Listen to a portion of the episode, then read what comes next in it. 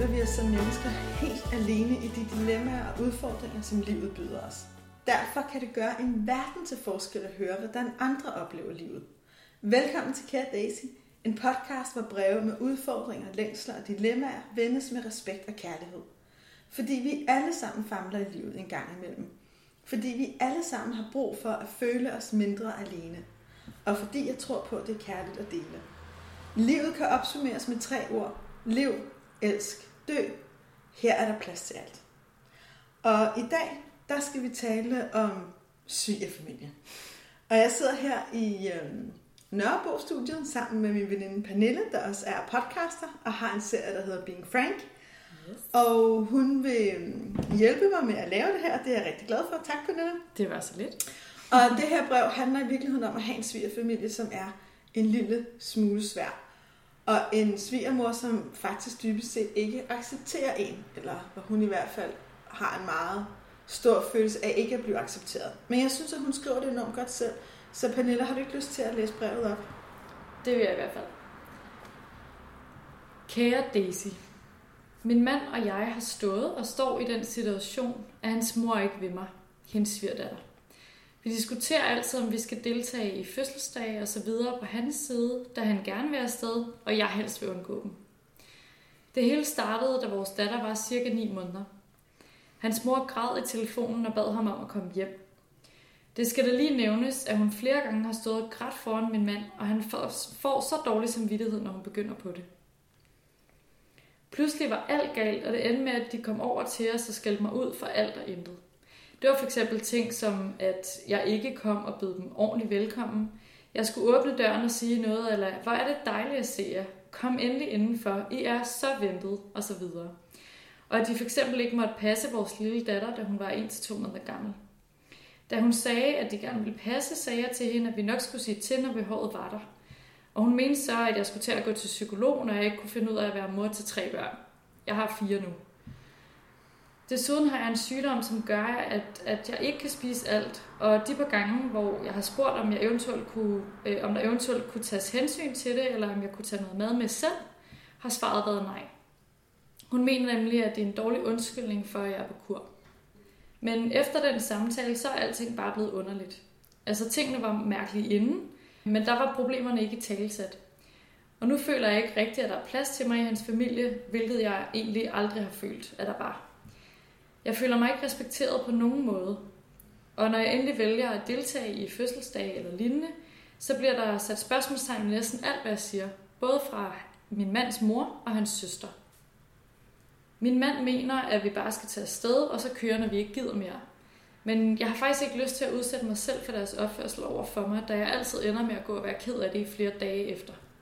Så hvordan pokker skal jeg gribe det an? Jeg har sagt til min mand, at han bare skal tage afsted, men det ønsker han ikke, da vi er en familie. I bund og grund vil jeg ønske, at hans mor ville mig, eller bare ville interessere sig en smule for mig. Men jeg ved ikke rigtigt, hvordan vi griber det an. Lige nu er vi nået frem til, at vi bør sætte os ned og finde ud af, hvordan vi ønsker at omgås vores familier. Men det er ikke så nemt, som det er skrevet. Så har du nogen råd, som kan hjælpe os væk fra de her dumme diskussioner? Hmm. Ja, det har jeg, og jeg, jeg vil gøre mit bedste for at komme med nogen, men det her er bare mega svært. Ikke? Øhm, og det er sindssygt svært, fordi at når ens forældre er bare vigtige for de fleste mennesker. Så uanset hvor gamle vi bliver, eller hvor uafhængige vi bliver, eller hvor meget vi elsker vores partner, så er der bare i rigtig mange af os stadigvæk en ret kraftig binding, så når den bliver rykket i, gør det ondt. Og det er også derfor, jeg oplever, at rigtig mange at, at de par, der har problemer med svigerfamilien eller sin egen familie, at, at det meget nemt bliver et parproblem. Og det er virkelig det værste, der kan ske. altså man kan sige, så, så det, det jeg hører, I er i gang med, og det synes jeg er så godt gået, og det, det er det, jeg bare får lyst til at hæppe på jer og sende jer en hel masse kaldet den retning, det er, det her er et problem med svigerfamilien og med den relation. Men I må virkelig passe på med, at det ikke bliver et problem imellem jer. Jeres kærlighed, jeres familie, jeres fire børn er vildt vigtigt. Det er det vigtigste. Og ja, alle andre relationer er også vigtige. Men det er virkelig, virkelig vigtigt, at I kan blive ved med at være sammen og have et rum, der er jeres, hvor svigerfamilien ikke kommer ind imellem. Og det er også sindssygt svært. Og det er også det, jeg oplever, at hun i det her brev i tale sætter siger, hvordan er det egentlig, vi gør det? Hvordan er det, vi gør det, at når vi står to parter, og det gør rigtig ondt i ham, fordi at han har på den ene side set en mor, der har nogle ønsker og behov, og han har en kone med nogle ønsker og behov på den anden side. Han er jo i et frygteligt dilemma. Og omvendt er hun jo også i en frygtelig situation med at have et behov for at respektere sine egne grænser og blive ked af det over at føle sig ikke respekteret, helt berettiget, og samtidig også have en mand, der ønsker, at hun skal deltage, når hun bare har lyst til at holde sig væk. Mm. Det er jo sindssygt svært. Mm. Og det jeg kan sige til jer, det er, der er ingen nemme løsninger. Jeg synes, det er sindssygt sejt, at I går i gang med ligesom at finde ud af, hvordan I ønsker at omgå jeres familie. Det synes jeg er en, er en rigtig god idé. Men jeg har også lyst til at tilføje at sige, noget som det her kan man måske ikke lave nogle faste regler for. Mm-hmm. Altså det kunne være enormt rart, hvis man ligesom kunne regne et eller andet system ud, og så kunne man holde sig til det. Men det tror jeg faktisk ikke i jeres situation. For det her er der så mange lag ud, og der er så meget smerte, og det er bare et stort dilemma. Så jeg tænker, at det her det er noget af det, som I på en eller anden måde skal kigge hinanden dybt i øjnene og sige, vi elsker hinanden, vi vil hinanden, og vi vil vores familie. Og, og ville det betyder også, at vi vil det her svære sammen. Mm. Vi accepterer, at relationen til svigermor, min, min mor, er svær, og det elsker vi hinanden igennem. Så på en eller anden måde finde frem til det sted, hvor I virkelig tænker, at vi er begge to i det her. Og når jeg så siger, at jeg tror, man ikke kan finde universelle regler, så er det ikke fordi, jeg ikke synes, at I skal tale om det her. Det synes jeg faktisk er rigtig vigtigt, at I gør. Så det I allerede gør med at tale om, hvordan I er sammen med familien, det skal I blive ved med. Men I skal også have en mulighed for at tage det lidt fra gang til gang. Mm. Nogle af de problemer, alle, næsten alle par har nogle store udfordringer, de lever med gennem mange år. Om det så er en eller anden uenighed i, om hvorvidt man skal tage på oplevelsesrejse til Asien eller i sommerhus, eller om man skal være sammen med svigerfamilien som par, eller man kan besøge dem hver for sig, eller man skal have et barn til, eller ej. Det kan jo være alt muligt. Mm. Nogle af de ting er nogle, man lever med, fordi man bare har det forskelligt. Ligesom jeg kan høre her, at, at kvinde det her brev kunne egentlig godt løse det ved, at hun ikke deltog i hans familieting, og han vil rigtig gerne have, at hun deltager. Mm. Det er jo et fortløbende, en fortløbende udfordring, som bliver ved med at være der. Så noget af det bedste, jeg kan råde til, det er at acceptere, det er en udfordring, I har. Og den skal I finde ud af at være sammen om på den bedst mulige måde. Så I må ikke forvente af jer selv, at der er en løsning lige efter tre samtaler eller to måneder, fordi det er der ikke.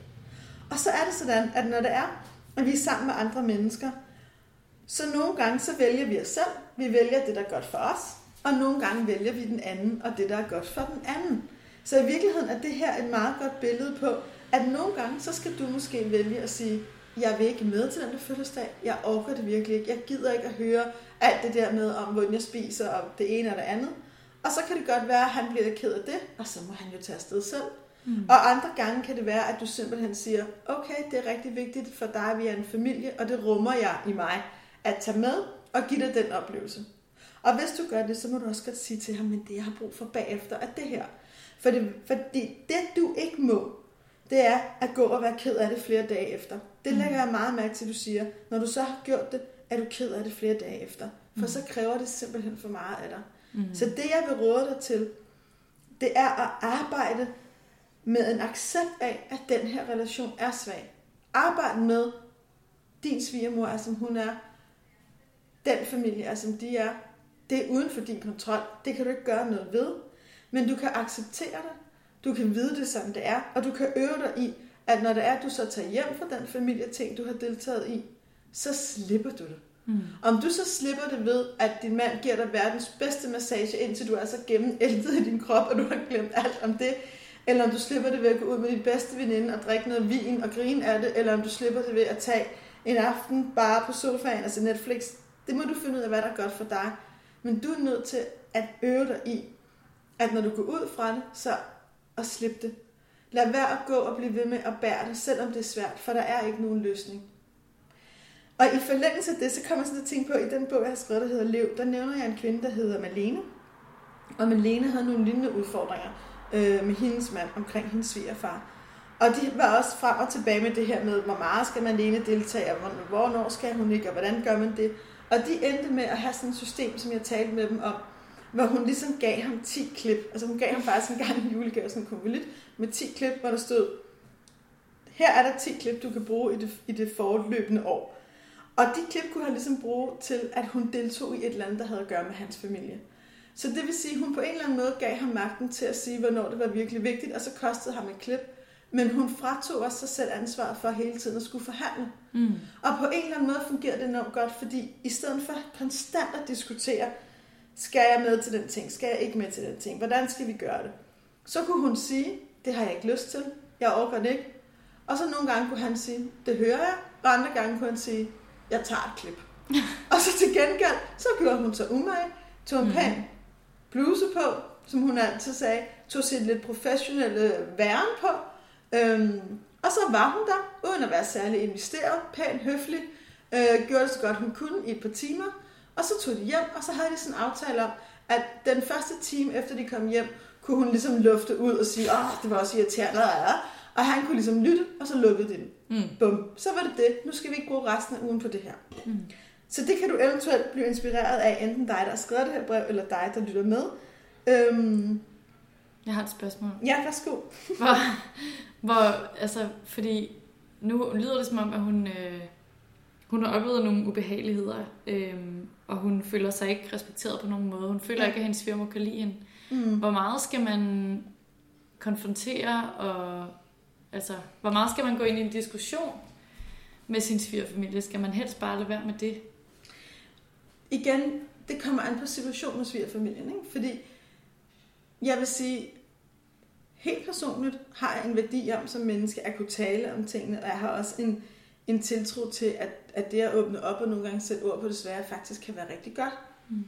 Men når jeg hører det her brev, så hører jeg faktisk også, at det er noget, de har prøvet, og det er ikke rigtigt. Jeg har givet dem noget. Ja. Og nogle mennesker fungerer jo ikke sådan. Og i nogle relationer kan man ikke blive klogere på hinanden, eller begge parter er ikke villige til at give det, det rent faktisk vil kræve. Og det jeg lidt hører, når jeg hører det her brev, det er, at jamen, der er, der er faktisk ikke grobund for den der samtale, hvor man finder hinanden. Så ja, jeg synes, det er verdens bedste idé at tale om det. Jeg synes, det er rigtig godt, at man som par, hvis man har det svært med svigerfamilien, inviterer til kaffe og siger, lad os prøve at tale om det. Vi vil gerne lytte til, hvad I har brug for. Vi vil gerne prøve at imødekomme det. Vi har også brug for, at I lytter her. Jeg synes, det er enormt kærligt faktisk at åbne op for den samtale. Den er svær, men den åbner man jo op for, fordi man vil tættere på. Men omvendt, hvis det er sådan, at de andre ikke vil tættere på, eller at de ikke lytter, eller det ikke rigtig fører nogen steder, så tror jeg også, at man nogle gange som menneske har lov til at lukke lidt ned og egentlig skåne sig selv ved at sige, det fører ingen vegne, og derfor stopper jeg. Mm. Jeg tror meget på, at vi skal kæmpe og lægge vores energi og engagement der, hvor det fører nogle vejen. Mm. Faktisk har jeg skrevet noget om min egen rejse med nogle af de her ting i bogen Dø, hvor jeg skriver lidt om, om nogle af mine egne svære familieforhold. øhm, og når jeg, også, altså, jeg synes nogle gange er det som om, vi har en eller anden følelse af kollektivt, at det bedste er, hvis vi altid kan nå hinanden. Men, men noget af det, jeg har oplevet i mit eget liv, og jeg har oplevet hos mange af mine klienter, er, at det ikke altid, man kan nå hinanden. Altså, nogle relationer ender bare ikke med, at man forstår hinanden og samler en stor lykkelig familie. Så nogle gange er det bedste, man kan gøre, at navigere i det, der er svært, og være med det på den bedst mulige måde. Mm. Og det, som jeg tænker, ej, hvor ønsker for det her par, at de netop er sammen om det, og accepterer, der er ikke én løsning, men vi kan være sammen i det svære, og vi kan vælge hinanden til i det svære, og vi kan gøre alt for, at det ikke kommer imellem os. Og helt lavpraktisk, hvis du nu rent faktisk kæmper med nogle af de her samme ting, så vil jeg råde dig til i dig. Sæt dig ned og virkelig tænk. Tror jeg på, at den her relation kan blive bedre? Tror jeg på, at jeg kan gøre et eller andet, invitere til en samtale, ændre et eller andet, og det kan blive bedre? Hvis jeg tror det, så synes jeg, du skal prøve det af. Så gør det. Tag den samtale, inviter til den kaffe, gå en tur med en svigerfamilie, åben for det, fortæl, hvordan du har det. Men omvendt, tænker du, jeg kan simpelthen ikke se, at det kan lade sig gøre, eller jeg føler, at det, jeg har prøvet, er faldet til jorden, så vil jeg anbefale dig, i stedet for at acceptere det. Så accepter, det er sådan, det er. Det bliver ikke anderledes. Min svigermor kommer aldrig til at stille mig bare fem nysgerrige spørgsmål om, hvem jeg er, eller forstå, at jeg faktisk har en udfordring med nogle former for mad, eller anerkende det gode, jeg gør som mor, eller hvad det nu end er, og så acceptere det. Og nogle gange, når vi accepterer noget, så slipper vi faktisk også smerten, og så holder det op med at gøre sig ondt. Og så kan vi lidt bedre være i det. Mm. Og nogle gange, så sker der også et eller andet, når man får sagt til hinanden som par, jeg accepterer, at jeg ikke har en god relation, og jeg accepterer, at det er vigtigt for dig at have det. Mm. Så det fører ligesom til en anden øvelse, man kan gøre, hvis man nu har en udfordring omkring svigerfamilien som par. Noget, jeg så synes, der er enormt vigtigt at gøre, det er nogle gange at sætte sig sammen, og i virkeligheden sige til din kæreste, fortæl mig, hvordan du har det med det. Og bare lad den anden fortælle. Og når de så har fortalt, så er i virkeligheden meget tro mod det, de har fortalt, gentage det sådan lidt, ej, jeg hører, at det er svært for dig, når, din, når du egentlig gerne vil have mig med, men at jeg ikke vil. Og jeg forstår, at det er svært for dig, at vi ikke har en god relation. Og jeg forstår, at du føler dig splittet. Og så sig tak, og så skift.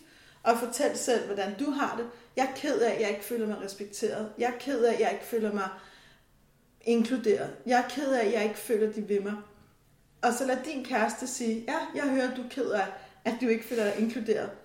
Og når man har haft sådan en, en øvelse, så skal man også måske bare rumme, at nej, og det er der ikke en eller anden gylden svar på.